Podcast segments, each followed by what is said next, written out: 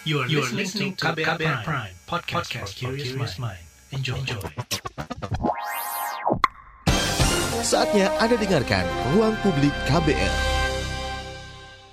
Selamat pagi, kita berjumpa kembali dalam Ruang Publik KBR dan tema pagi hari ini adalah Jauh Asap Pemberantasan Korupsi di Indonesia. Indonesia berada di peringkat 102 dunia negara-negara bersih dari kasus korupsi berdasarkan laporan Indeks Persepsi Korupsi atau CPI pada 2020. Data ini memberikan peringkat terhadap 180 negara atau wilayah khusus berdasarkan tingkat korupsi sektor publik yang dirasakan para ahli dan juga pebisnis. Skala penilaian yang digunakan ialah 0, yaitu sangat korup, hingga 100 atau sangat bersih. Dikutip dari rilis Pars Transparency International. Indonesia sendiri mendapatkan skor 37, yang mana masih mengindikasikan banyaknya korupsi yang terjadi di negara itu. Data itu membandingkan performa negara dengan investasi yang dilakukan di sektor kesehatan dan bagaimana norma demokrasi dan institusi di sana melemah di saat pandemi. Lalu mengapa Indonesia masih sulit mewujudkan negara bebas korupsi? Berikut penjelasan peneliti Lembaga Anti Korupsi Kurnia Ramadana dan anggota Ombudsman RI Robert Na Endi Caweng. Pada segmen kali ini kita akan berbincang terlebih dahulu bersama peneliti Lembaga Anti Korupsi ICW Kurnia Ramadana dipandu oleh Fitri Angreni. Mas Kurnia, eh, Indonesia kan saat ini berada di peringkat 102 dunia negara-negara bersih dari kasus korupsi berdasarkan laporan Indeks Persepsi Korupsi CPI tahun 2020 ya Mas ya. Dan tentunya ini masih jauh dari harapan. Eh, mengapa uh, hal ini masih terjadi, Mas? Apa yang menjadi tantangannya, Mas? Dan apakah tahun ini bisa dikatakan lebih baik daripada tahun uh, 2020? Iya, tentu kalau kita merujuk pada indeks persepsi korupsi Indonesia tahun 2020, sebenarnya itu menggambarkan kekeliruan arah politik hukum pemberantasan korupsi yang diusung dan dikerjakan oleh pemerintah serta DPR. Ada dua kejadian penting sepanjang tahun 2020 kemarin Misalnya mulai dari problem revisi Undang-Undang KPK dan semakin merosotnya kepercayaan masyarakat terhadap penegakan hukum yang dilakukan oleh KPK misalnya. Jadi akumulasi dari kekeliruan itulah yang menyebabkan Indonesia terjerembab dalam indeks persepsi korupsi. Lalu bagaimana proyeksi ke depan? Di tahun 2021 justru kondisinya semakin buruk. Kita melihat penegakan hukum hari ini dipenuhi dengan kontroversi di tengah masyarakat, khususnya KPK misalnya. Dan pemerintah dan DPR juga gagal menghasilkan produk legislasi yang menyokong agenda pemberantasan korupsi hukuman para koruptor juga semakin ringan. Jadi bukan tidak mungkin peringkat kita bakal lebih buruk daripada tahun 2020. Uh, ICW pada uh, September kemarin juga mengeluarkan uh, pemetaan kasus korupsi berdasarkan lembaga di semester 1 tahun 2021 di mana tiga aktor tertingginya adalah pemerintah desa, pemerintah kabupaten, dan pemerintah kota. Begitu ya Mas ya. Nah, apa yang menyebabkan lembaga-lembaga di daerah ini tinggi angka korupsinya Mas pada tahun ini? Ya, kalau dalam konteks pemerintahan desa, tentu problemnya ada di pengawasan. Pengawasan dan partisipasi masyarakat yang tidak terlibat sama sekali dalam proses misalnya menentukan kebijakan di pemerintahan desa sehingga angka korupsinya juga semakin tinggi. Celah itu tidak ditutup. Pemerintah misalnya menggelontorkan anggaran dana yang selalu naik setiap tahunnya untuk desa, tapi tidak dibarengi dengan pengawasan yang juga baik. Sehingga angka itu kuantitas pemerintahan desa terlibat praktik korupsi praktis tidak menurun, tapi justru semakin naik. Untuk uh, lembaga penegak hukum kan masih ada di dalam 10 besar uh, dalam pemetaan ICW ya Mas ya pada tahun 2021 semester 1 ini Mas. Itu apakah sudah ada perbaikan di lembaga-lembaga tersebut Mas dari tahun-tahun sebelumnya? Ya, Kalau soal penegak hukum, untuk KPK sudah jelas kondisinya semakin memburuk. Penindakannya semakin rendah secara kuantitas, kualitasnya juga sangat buruk begitu. Kalau kita lihat Kejaksaan Agung misalnya, meskipun ada perkara Jiwasraya maupun Asabri yang tuntutannya sangat tinggi, tapi masyarakat akan melihat lagi misalnya kasus Joko Chandra yang melibatkan Pinangki Sirna Malasari itu kan terlihat ada konflik kepentingan dalam pengusutan perkara itu. Untuk kepolisian ini menarik karena keterkaitannya dengan bergabungnya 44 mantan pegawai KPK ke sana, tentu ini membawa harapan baru bagi perbaikan citra pemberantasan korupsi di Polri. Jadi selama ini kita melihat uh, kepolisian itu baru sibuk mengatasi persoalan kekerasan ya, tapi belum masuk lebih lanjut soal korupsi. Tapi juga Kapolri rencananya akan membentuk korps pemberantasan korupsi ya Mas ya. Apakah ini kemudian uh, merupakan sinyal yang bagus juga ditambah dengan masuknya uh, para mantan pegawai KPK ke dalam korps uh, Polri Mas? Ya tentu kita belum bisa mengomentari apa pun ya. Kami akan melihat nanti efektivitasnya seperti apa ketika setelah dibentuk namun di luar itu bergabungnya mantan pegawai KPK ya bagi kami membawa harapan yang baru ya. Tinggal bagaimana nanti pola koordinasi kerja dan rekomendasi-rekomendasi yang disampaikan oleh mantan pegawai KPK harapannya bisa diturunkan atau disetujui oleh Kapolri dan diturunkan sebagai agenda pembenahan internal yang konkret. Kita juga melihat uh, ada banyak sekali koruptor yang masih berkeliaran atau buron ya Mas ya dan ini juga disinggung uh, Pak Jokowi di Hari Anti Korupsi. Jika dilihat seberapa sulit penegak hukum kita untuk uh, menangkap para buron koruptor ini Mas? Ya, kalau buronan ini kan selalu menjadi diskursus ya setiap tahunnya. Saya mau membagi dua. Yang pertama misalnya koruptor yang ada di KPK. Salah satu yang selama ini menyeruak ke tengah masyarakat kan Harun Masiku. Bagi kami Harun Masiku itu bukan tidak mampu ditangkap oleh KPK, tapi memang dasarnya tidak mau. Perangkat KPK itu dikenal jauh lebih baik ketimbang perangkat penegak hukum lain. Banyak koruptor kelas kakap yang sudah melarikan diri ke luar negeri dapat dengan mudah diringkus oleh KPK. Sehingga menjadi pertanyaan hari ini, kenapa pencarian Harun Masiku itu rasanya mandek? Dan justru beberapa pegawai yang uh, ditugasi untuk mencari Harun Masiku justru dipecat oleh pimpinan KPK melalui tes wawasan kebangsaan. Kemudian kalau buron di penegak hukum lain, memang satu ada problem soal uh, ini ya kemampuan kemampuan dari penegak hukum itu sendiri. Lalu yang kedua ada isu kalau isu negaranya harus ada perjanjian ekstradisi misalnya. Itu kan belum banyak ditandatangani oleh Indonesia dan itu menjadi satu uh, hambatan bagi penegak hukum yang ingin meringkus pelaku korupsi yang kabur ke luar negeri. Catatan untuk pemerintah sebagai garda terdepan dalam memunculkan berbagai aturan terkait korupsi ini, Mas. Apa yang ingin disampaikan? Ya, kondisi pemberantasan korupsi hari ini semakin buruk. Maka dari itu, pemerintah harus mendesain ulang agenda pemberantasan korupsi ke depan. Perpu untuk membatalkan undang-undang KPK baru mutlak harus dilakukan, sebab kalau tidak, KPK tidak akan banyak melakukan hal-hal yang menunjang program pemberantasan korupsi. Pemerintah juga harus fokus untuk memasukkan dalam pembahasan dan mengundangkan undang-undang yang menyokong agenda pemberantasan korupsi. Misalnya rancangan undang-undang perampasan aset atau RUU pembatasan transaksi uang kartal.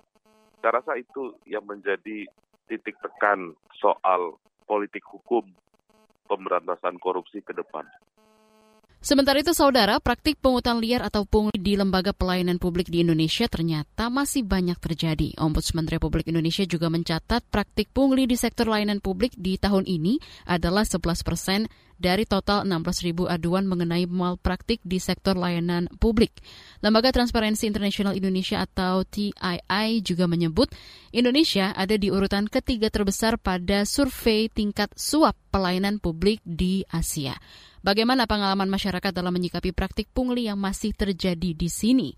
Simak laporan yang disusun Astri Yuwanasari. Saya tinggal pergi terus uh, bapak-bapak yang ngasih plat nomor, Pak saya kelas saja. Nah, saya bingung, bah, maksudnya apa kok kelas saja? Oh udah di atas kan ya, udah tanda buktinya. Saya kelasnya aja. Ya udah deh aku kasih tuh kalau itu benar-benar pungli di depan mata ya. Jadi dia minta nggak tahu itu biaya apa dan bilangnya seikhlasnya kan. Nah. Itu tadi pengalaman AB, warga Depok, Jawa Barat saat mengurus perpanjangan STNK dan pergantian plat nomor mobilnya beberapa waktu yang lalu. AB kecewa karena dia sudah mengantre cukup lama dan memenuhi setiap tahap proses administrasi sampai pembayaran secara resmi. Namun ternyata saat pengambilan plat nomor, ada oknum yang meminta uang tambahan yang tidak jelas untuk biaya apa. Saat itu AB merasa terjebak, tetapi ia hanya pasrah saja memberikan apa yang diminta oknum tersebut. Dan aku sebenarnya lihat juga sebelum sebelum aku juga yang lain waktu itu juga diminta ya sama sama si bapak-bapak itu saya kelasnya si kelasnya ada ngasih berapa puluh ribu gitu lah dan belum ada yang uh, ketika diminta itu nggak ngasih, jadi semua ngasih. Nggak tahu apakah itu udah jadi budaya di situ ya. Berbeda dengan AB, Jesse justru mengklaim lebih baik menambah uang untuk jasa pengurusan surat-surat kendaraan bermotor daripada menjalani proses administrasi yang cukup memakan waktu. Warga Depok, Jawa Barat ini memilih membayar tambahan uang untuk biaya balik nama motor yang baru dibelinya tahun lalu. Selesai ngurus SNK kan mesti ngurus BPKB tuh, tapi karena ribet dan segala macamnya dan nggak punya banyak waktu luang buat ngurus itu akhirnya dapat tawaran lah untuk diurusin BPKB-nya tapi kalau nggak salah itu kita mesti bayar lebih kalau nggak salah itu 100 ribu deh kalau nggak salah. Nah itu dengan bayar 100 ribu itu kalau nggak salah seminggu tuh jadi. Nah katanya kalau kita ngurus ke poldanya itu bakal lebih panjang waktunya Jesse juga punya pengalaman saat mengurus surat keterangan domisili. Ia menyebut pengurusan surat-surat mulai dari tingkat RT RW masih sering terjadi pungutan oleh pengurus RT. Menurutnya, pungutan-pungutan tersebut sudah seperti menjadi budaya di lingkungannya. Kayak kemarin misalnya ngurus buat surat keterangan domisili, nah itu kan mesti minta dari RT RW baru ke kecamatan. Nah itu di RT RW-nya biasalah uh, ada budaya pungli, ada budaya yang mana kalau kita minta kayak gitu, uh, kita tuh suka dimintain kayak dua puluh ribu gitulah buat kasih cap stempel gitu. Itu tuh kayak di sini itu udah kayak budaya sih Dani warga Bogor, Jawa Barat juga pernah menghadapi oknum yang meminta uang saat pengurusan KTP. Namun kala itu Dani tegas menolak sebab dia sangat paham bahwa pengurusan surat kependudukan seharusnya tidak dikenai biaya apa pun. Hingga kini, Dani lebih memilih mengurus sendiri semua surat-surat, baik surat kependudukan ataupun surat yang berhubungan dengan kepolisian. Ia rela mengantre dan menunggu, namun melalui proses administrasi yang resmi, dibandingkan harus membayar lebih banyak. Enggak sih, kayak misalnya bayar pajak STNK, terus sudah kayak gitu, uh, bikin SIM kayak gitu, eh memperpanjang SIM kayak gitu-gitu, biasanya kan kalau sih ya yang kayak gitu-gitu, ya juga nggak ada sih, gue selalu menolak sih, kayak ya udahlah, gue kerjain sendiri aja, toh yang kayak gini mah bisa gue kerjain. Menurut Lembaga Transparansi Internasional Indonesia atau TII, Indonesia masuk urutan ketiga tingkat suap pelayanan publik tertinggi di Asia. Hal ini sesuai hasil survei Global Corruption Barometer atau GCB pada 2020. Peneliti TII Iza Akbarani menyebut, tingkat suap di Indonesia paling banyak terjadi pada layanan kepolisian, dukcapil, dan sekolah. Nah, ini mengindikasikan bahwa uh, ternyata masyarakat kita itu masih uh, permisif terhadap suap ataupun suap yang memang diminta oleh petugas layanan. Dalam artian e, itu juga termasuk dalam pungutan liar seperti itu. Dan e, ketika mereka ditawari untuk membayar suap demi proses yang lebih cepat ternyata masyarakat kita juga masih e, menganggap wajar hal tersebut terjadi. Sehingga itu juga mempengaruhi e, suap di e, GCB kita bahkan lebih dari 90% mengakui tidak pernah melaporkan praktik suap yang dialaminya karena mungkin salah satunya menganggap itu wajar dan memang uh, meng, uh, istilahnya mendapat kemudahan ketika mereka membayar suap ataupun ketika mereka dimintai pungutan yang tidak resmi atau pungutan liar. Iza mengatakan praktik suap masih sering terjadi karena beberapa alasan mulai dari tanda terima kasih, sengaja diminta membayar jasa yang tidak resmi, hingga tawaran agar proses pengurusan lebih cepat. Demikian laporan khas KBR, saya Astri Yuwanasari. Ruang Publik KBR edisi pagi hari ini rekaman, jadi kami tidak bisa menerima pertanyaan dari pendengar. Jangan ke mana-mana, tetap di Ruang Publik KBR. Masih Anda dengarkan Ruang Publik KBR. Commercial break. Commercial break. Lo boros. Gue maskulin. Rokok membunuhmu. Rokok menyelamatkan negara. Lo salah. Perdebatan yang sengit antar keduanya tidak pernah selesai dari zaman kereta roda 3 sampai kereta listrik. Dan inilah debat sebat. Membahas fakta dan mitos yang ada di balik sebungkus rokok. Dengarkan podcast Debat Sebat di KBR Prime, Spotify, dan semua platform mendengarkan podcast lainnya. Diproduksi KBR Prime, podcast for curious minds. Masih Anda dengarkan Ruang Publik KBR. Pagi hari ini kita juga akan menyimak analis kebijakan ahli media integritas SDM aparatur Kementerian Pan RBRI Rosdiana terkait mengapa korupsi mengakar di tubuh aparatur sipil negara. Audio ini kami kutip dari pembukaan Rakornas Pendidikan Anti Korupsi 2021 yang disiarkan kanal YouTube Komisi Pemberantasan Korupsi. Memang uh, saat ini kita sama-sama sedih, sama-sama uh, apa ya merasakan bagaimana korupsi itu banyak merajalela baik itu di dunia pendidikan atau di dunia lain. Nah, untuk ini mungkin kesempatan ini kami menyampaikan bahwa fondasi saat ini untuk ASN itu adalah berakhlak. Core value eh, ASN saat ini adalah sama.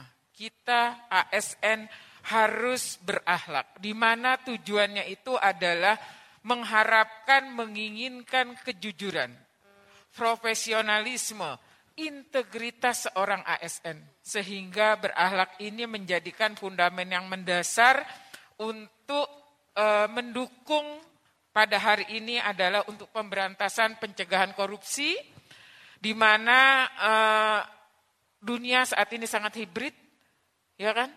Sangat untuk kolaboratif sehingga kolaborasi di dalam pendidikan baik itu dari ASN atau dari hal bentuk apa pun menjadikan dasar untuk kita melakukan pencegahan korupsi atau pemberantasan korupsi.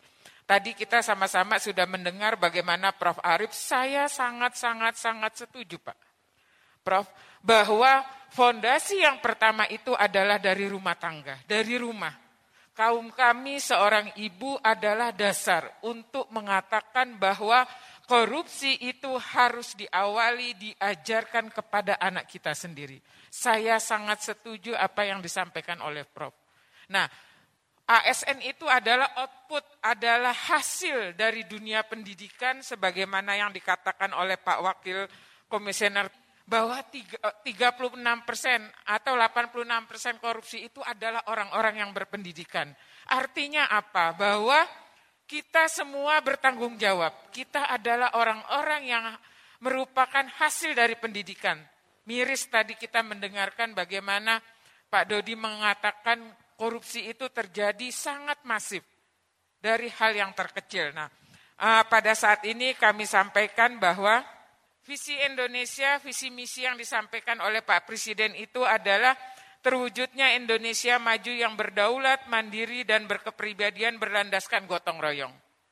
Yang pertama adalah peningkatan kualitas manusia Indonesia. Artinya apa? Bahwa negara pemerintah sudah berpikir bahwa yang pertama kali harus ditingkatkan itu adalah kualitas manusianya. Kualitas manusia itu akan menjadikan capaian pemerintah, capaian negara akan optimal. Akan menjadikan Indonesia ini akan menjadikan negara maju, negara berkualitas dunia pada saat kualitas manusianya. ASN itu hanya 4 juta, tapi menjadikan tonggak, menjadikan dasar untuk Indonesia ini maju. Kenapa demikian? Karena ASN kami-kami ini dibiayai oleh negara. Makanya ASN itu tidak boleh korupsi kalau menurut kami gitu. Begitu juga dengan prioritas kerja dari Pak Presiden. Yang pertama itu adalah pembangunan SDM. Jadi sangat-sangat berhubungan dengan pendidikan karena pembangunan SDM itu harus melalui pendidikan. Saya jujur mengatakan, saya selalu mengatakan anak saya harus kaya. Saya diketawakan oleh semua orang. Padahal saya bilang, kaya itu harus pintar. Pintar itu adanya di sekolah. Jadi anak-anak saya, saya harus didik untuk pintar supaya tidak dibohongi orang, sehingga bisa kaya, bisa bermanfaat untuk orang lain, bisa bersedekah menurut agamanya masing-masing. Saya sering ditertawakan mengatakan mendidik anak untuk jadi kaya. Padahal kaya itu harus pintar, harus dididik dengan pendidikan yang baik. Dalam hal hari ini kita berbicara tentang korupsi. Seorang ibu adalah tonggak pertama untuk memberantas korupsi. Bukan mengecilkan arti seorang bapak. Karena ibulah pertama kali yang mengajarkan anak untuk tidak berbohong. Baik Bapak Ibu sekalian, eh, hasil yang kita tahu bahwa area rawan korupsi itu benar. Tadi ada tentang korupsi buku, korupsi bimbel, ya banyak sekali. Jadi memang area rawan itu yang pertama adalah perencanaan anggaran. Di birokrasi itu yang pertama kali pegang peranan itu adalah perencanaan anggaran. Jadi memang pendidikan untuk merencanakan anggaran, bagaimana untuk benar, bagaimana untuk transparan itu ada di perencanaan anggaran. Begitu juga area rawan korupsi itu di hibah, di bansos, di pajak bumi, di pengadaan barang dan jasa. Benturan kepentingan itu sangat besar. Saya seorang auditor kadang-kadang miris melihat bagaimana antara perencanaan sampai dengan pelaksanaan, sampai dengan akhiran itu tidak sejalan. Itulah sebenarnya rentetan apabila tidak sejalan terjadi korupsi. Yang selanjutnya itu adalah jual beli jabatan. Di birokrasi ini masih terjadi. Ini yang sama-sama harus kita pikirkan bagaimana kita membuat ASN itu mempunyai pendidikan yang benar-benar sejalan dengan visi misi uh, pemerintah untuk memberantas korupsi. Uh, di kesempatan ini uh, kami dari Kementerian Pan RB berusaha untuk melakukan upaya pemberantasan korupsi, pencegahan korupsi dengan berakhlak tadi. Jadi Bapak Ibu sekalian uh, pada bulan uh, September Pak Presiden sudah mencanangkan tentang core value berakhlak di mana eh, seluruh ASN, seluruh instansi pemerintah mempunyai core value yang sama, yaitu berakhlak. Selama ini Menpan punya IPA, Kementerian Keuangan punya core value, Kementerian Pendidikan punya core value. Saat menterinya ganti, saat gubernurnya ganti, saat bupatinya ganti, ganti core value-nya. Sehingga ASN itu tidak punya pegangan, selalu mengikuti pimpinan. Nah, untuk ini sejak tahun 2021 ini mudah-mudahan dengan berakhlak ini kita kami semua ASN itu mempunyai pandangan yang sama. Jadi berakhlak itu berorientasi pelayanan, kompetensi, eh, apa eh, loyal, harmonis, kolaboratif dan semuanya. Sehingga tadi yang disampaikan oleh Pak Dodi bahwa kita harus kolaboratif itu adalah benar. Tidak bisa memberantas korupsi atau mencegah korupsi ini hanya KPK. Tidak bisa hanya dengan regulasi yang dikeluarkan oleh Menpan untuk membentengi ASN-nya tidak korupsi. Tidak bisa Kementerian Pendidikan untuk memberantas korupsi hanya lewat uh, surat edaran atau aturan yang diterbitkan. Tapi kita sama-sama uh, eratkan tangan untuk memberantas ini korupsi. Kami ingatkan kembali kalau ruang publik KBR edisi hari ini adalah rekaman, jadi kami tidak bisa menerima pertanyaan dari pendengar. Jangan ke mana-mana. Masih Anda dengarkan Ruang Publik KBR. Terima kasih untuk Anda yang masih setia mendengarkan Ruang Publik dari KBR edisi hari ini dengan tema Jauh Asa Pemberantasan Korupsi di Indonesia. Pada segmen kali ini kita akan menyimak penjelasan anggota Ombudsman RI Robert Naendi Jaweng uh, Ombudsman Republik Indonesia mencatat praktik maladministrasi berupa pungutan liar atau pungli di sektor layanan publik masih banyak terjadi hingga tahun ini. Kalau dalam catatan Ombudsman uh, sendiri seperti apa Pak untuk tahun ini angkanya Pak kalau ada? Ya Mbak Fitri, uh, Ombudsman kan bertugas untuk mengawasi penyelenggaraan pelayanan publik ya. Dan dalam uh, apa pengawasan itu kami memakai batu uji yang namanya maladministrasi ya. Ada tidaknya perilaku atau perbuatan yang melawan hukum atau bertentangan dengan etika yang wujudnya itu macam-macam. Dan wujudnya inilah yang kami anggap sebagai pintu masuk e, pungutan liar bahkan pintu masuk korupsi kalau ternyata wujud e, atau bentuk-bentuk maladministrasi ini terjadi ya. Misalnya kalau di ombudsman itu e, yang disebut dengan bentuk-bentuk maladministrasi adalah e, penyimpangan prosedur ya. Kemudian tindakan tidak patut, kemudian penyalahgunaan wewenang, eh, kemudian permintaan imbalan, ya, eh, kemudian juga eh, konflik kepentingan, penundaan berlarut dan sebagainya. Jadi memang kalau satu saja ini terjadi, itu artinya apa membuka peluang bagi terjadinya pungutan liar, bakal ini menjadi pintu masuk terjadinya korupsi. Nah, kalau melihat data ombudsman ya apa jumlah akses pengaduan masyarakat ke ombudsman itu kan uh, tiap tahun sangat banyak Mbak Fitri, uh, banyak sekali ya. 2020 kemarin misalnya kami uh, menerima uh, akses pengaduan masyarakat ini sekitar 14 ribu. Dan tahun ini karena ini belum berakhir ya, 2021 kurang lebih juga angka nanti akan uh, sama gitu ya. Dan dari uh, berbagai uh, laporan yang ada ini uh, apa kita uh, mencatat Eh, berbagai bentuk-bentuk maladministrasinya itu eh, satu yang paling banyak itu adalah tidak memberikan pelayanan. Artinya eh, sesuatu yang apa diminta oleh masyarakat atau sesuatu yang harusnya diurus oleh penyelenggara pelayanan publik dalam hal ini birokrasi ya ternyata itu tidak dilakukan itu itu cukup banyak itu 28 persen ya kalau untuk tahun ini kemudian juga penyimpangan prosedur Mbak Fitri bayangkan kalau ada penundaan berlarut, ada penyimpangan prosedur uh, di negeri ini, uh, khususnya di pemerintahan daerah itu itu sesungguhnya uh, celah atau pintu masuk bagi berbagai penyimpangan apa kekuasaan, termasuk dalam hal ini adalah uh, pungutan liar dan sebagainya gitu. Jadi uh, panjang ceritanya terkait temuan-temuan yang uh, apa uh, apa diperoleh uh, ombudsman gitu. Tetapi uh, kalau ini terjadi maka sesungguhnya uh, irisan dengan uh, arena atau uh, ruang berbagai pungutan liar itu itu sangat tipis itu uh, Mbak Fitri. Uh, kenapa kemudian ombudsman memang uh, berkomitmen agar uh, benah di hulu. Hulu itu apa? agar tidak terjadi maladministrasi. Ini adalah uh, apa upaya uh, preemptif upaya uh, preventif uh, sekaligus promotif gitu agar uh, sistem dibenahi sehingga kemudian uh, berbagai perilaku menyimpang atau perbuatan menyimpang yang bertentangan dengan hukum maupun bertentangan dengan etika uh, apa sektor publik dalam hal ini adalah asas asas umum pemerintahan baik atau good governance itu itu uh, apa bisa uh, apa uh, ditegakkan gitu ya.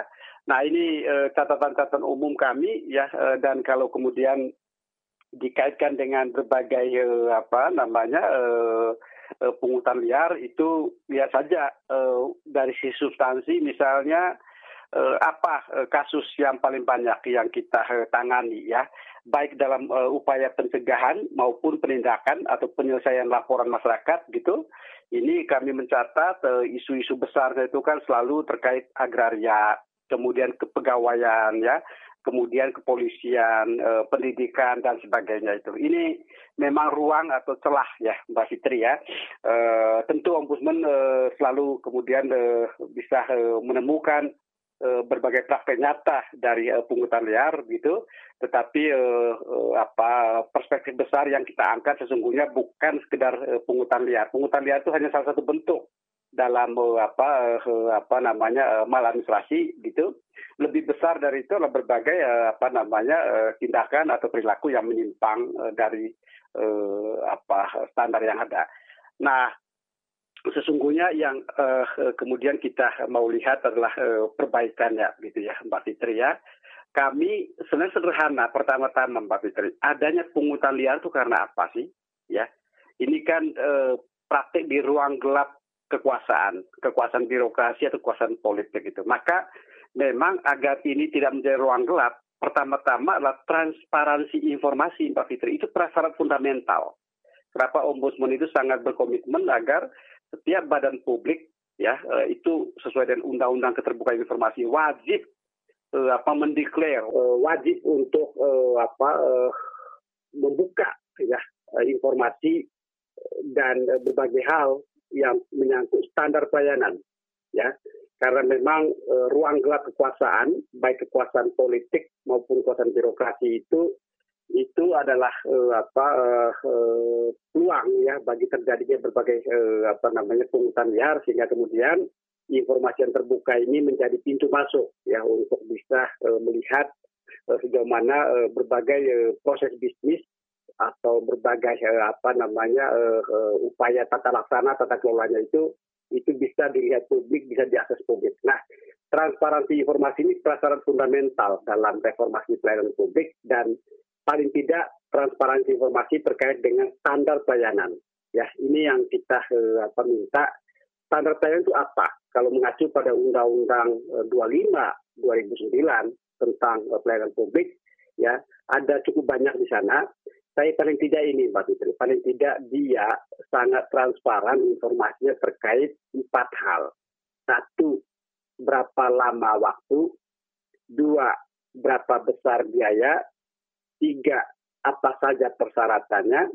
Empat, bagaimana prosedurnya. Minimal empat itu. Ya, itu adalah hal yang atau kami sebut komponen elementer, komponen standar, komponen dasar yang harus dimiliki. Pertama dimiliki dua, Kedua, diumumkan kepada publik.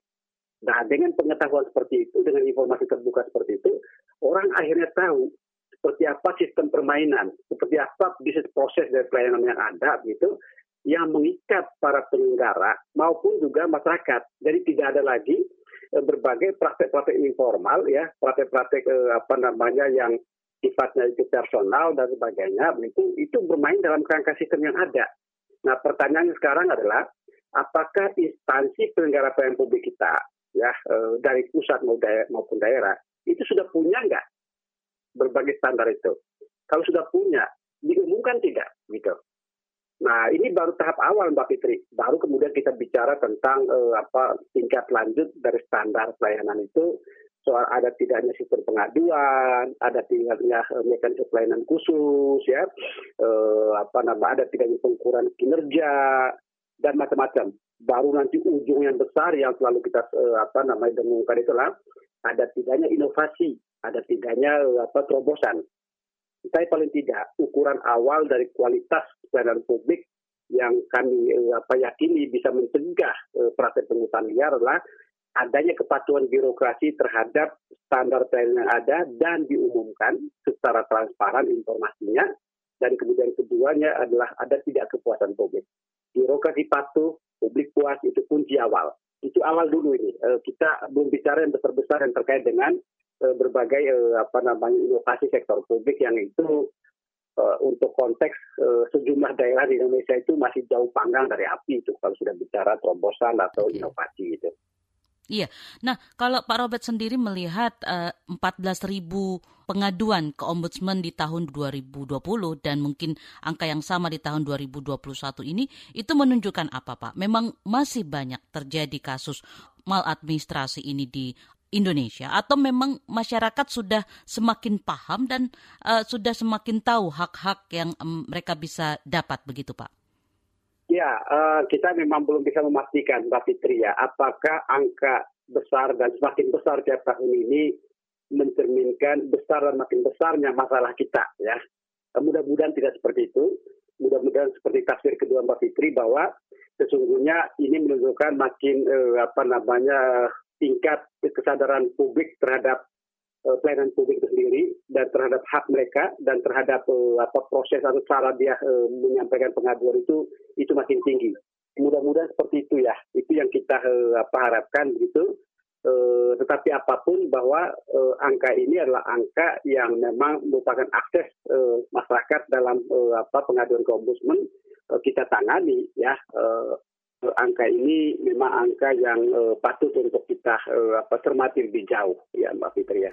Kembali kami ingatkan kalau ruang publik KBR edisi hari ini adalah rekaman, jadi kami tidak bisa menerima pertanyaan dari pendengar. Tetaplah bersama kami. Masih Anda dengarkan Ruang Publik KBR. Commercial break. Commercial break. Commercial break. Transfer ke sini udah, bayar ini juga udah. Ke gue udah. Heh, Allah, pertumbuhan ekonomi tuh lagi melambat, persis kayak tabungan gue. Betul banget, harus matang ngelola keuangan. Pengennya tuh investasi sesuatu gitu ya. Apa gitu yang cocok dan menguntungkan? Hmm, coba dengerin uang bicara deh. Gue belakangan lagi dengerin podcast itu di KBR Prime reksadana yang tadinya 500 juta udah turun dari 250 juta sekarang 10 ribu. Sama kita ngopi mahalan mana? Ketika itu ada keputusan yang kayak begitu investor harus tahu gitu oh ada keputusan ini berarti implikasinya apa? Orang mungkin perluas literasi kamu lewat podcast Uang Bicara Uang Bicara menavigasi kamu dengan menghadirkan bahasan-bahasan seru dan populer mulai dari investasi sampai kebijakan. Dipersembahkan oleh KBR Prime dan bisa didengarkan di KBR Prime, Spotify, dan platform mendengarkan podcast lainnya. KBR Prime, podcast for curious mind. Masih Anda dengarkan Ruang Publik KBR. Pada segmen ini kami menghadirkan anggota Ombudsman RI Robert Naendi Jaweng. Nah, tadi kan juga uh, Pak Endi menyebut bahwa inovasi dan transparansi yang kita harapkan dilakukan oleh pemerintah daerah itu kan masih uh, jauh panggang dari api begitu ya Paknya. Nah, sebagian ya, sebagian, sebagian sudah uh, apa bahkan punya terobosan yang luar biasa ya, uh, apakah uh, DKI Jakarta secara umum misalnya, demikian juga Kota Yogyakarta, uh, Solo ya, uh, Surabaya, uh, Kota Denpasar dan sebagainya. Tentu sebagian sudah uh, berada pada uh, tingkat yang advance ya seperti itu yang sudah uh, apa reformnya itu levelnya sudah inovasi dan terobosan. Tapi ini Indonesia ya 542 kabupaten kota dan provinsi itu sangat beragam. Sebagian besar bisa saya katakan sebagian besar itu masih pada tingkat ya sedang sosok dan rendah. Nah ombudsman ini Mbak Fitri akhir bulan ini kami akan umumkan yang namanya survei kepatuhan Nah, nanti kalau sudah selesai survei kepatuhan ini, boleh kita wawancara. Saya akan menyampaikan uh, zona uh, kepatuhan dari 542 kabupaten kota dan provinsi di Indonesia dan 39 kementerian lembaga. Apakah dia masuk ke zona kuning, itu arti sosok atau sedang gitu, ataukah dia kepatuhan tinggi hijau atau kepatuhan rendah merah, itu nanti menarik. Okay. Gitu. Berikutnya Pak, untuk tahun 2020 kemarin itu laporan terbanyak, lembaga yang dilaporkan terbanyak itu di sektor apa Pak? Apakah ya, mungkin tahun ini juga sama, Pak? Sisi, dari sisi substansi berarti kurang lebih juga instansinya dekatan juga dengan substansi ya. Dan ini sebenarnya terjadi hampir tiap tahun ya. E, selalu nomor atas itu kalau apa namanya dari sisi instansi itu adalah pemerintah daerah, Mbak. Pemerintah daerah ini e, mungkin karena memang sangat e, banyak jumlahnya ya, e, jadi e, total laporan ke kita juga jadi e, apa banyak gitu ya, Mbak Fitri ya. Kemudian kedua adalah BPN pertahanan nasional, kemudian ke, ini terkait dengan agraria ya, kemudian ketiga adalah kepolisian ya, kemudian eh, apa namanya BUMN dan BUMD maupun berbagai instansi yang lain gitu ya. Itu dari sisi instansinya. Kalau dari substansi kasus, yang paling banyak adalah agraria, kedua itu kepegawaian, ketiga kepolisian, keempat pendidikan, dan sebagainya. Itu empat besar ya. Nah ini ini apa eh, lembaga atau instansi maupun substansi yang hampir tiap tahun ya begini gambarannya Mbak Fitri. Saya nggak ngerti eh, apakah memang dugaan sementara common sense ini ya dugaan sementara ini memang adalah lembaga-lembaga yang banyak pelayanan publiknya sekaligus juga mungkin masih banyak yang harus ditata gitu ataukah ya ataukah karena memang kesadaran publik dalam berinteraksi dengan pihak BPN dalam berinteraksi dengan pihak kepolisian itu makin tinggi. Kesadaran akan hak mereka akan praktik yang ada ya dan kemudian keberanian untuk menyampaikan laporan ke ombudsman dan sebagainya. Ini terus terang saya tidak bisa menyimpulkan eh, apa sebabnya kenapa eh, yang paling banyak itu selalu adalah empat instansi dan empat substansi ini ya. Eh, makanya saya eh, sampaikan apa pun sebabnya laporan ke ya kita eh, tangani itu aja jadi tentu eh, kami eh, punya cara khusus ya dengan berbagai instansi ini sebenarnya tidak hanya empat instansi yang ada dengan berbagai instansi untuk selalu uh, melakukan uh, apa pertemuan. Saya baru pulang dari uh, apa uh, Jawa Tengah kemarin kita kumpulkan uh, apa puluhan bahkan seratusan uh, apa instansi penyelenggara publik termasuk dalamnya PLN, ya BPN, kepolisian, bahkan tentara ya uh, dan kemudian juga apa instansi pemerintahan daerah dan sebagainya vertikal dan sebagainya untuk uh, kita kumpulkan.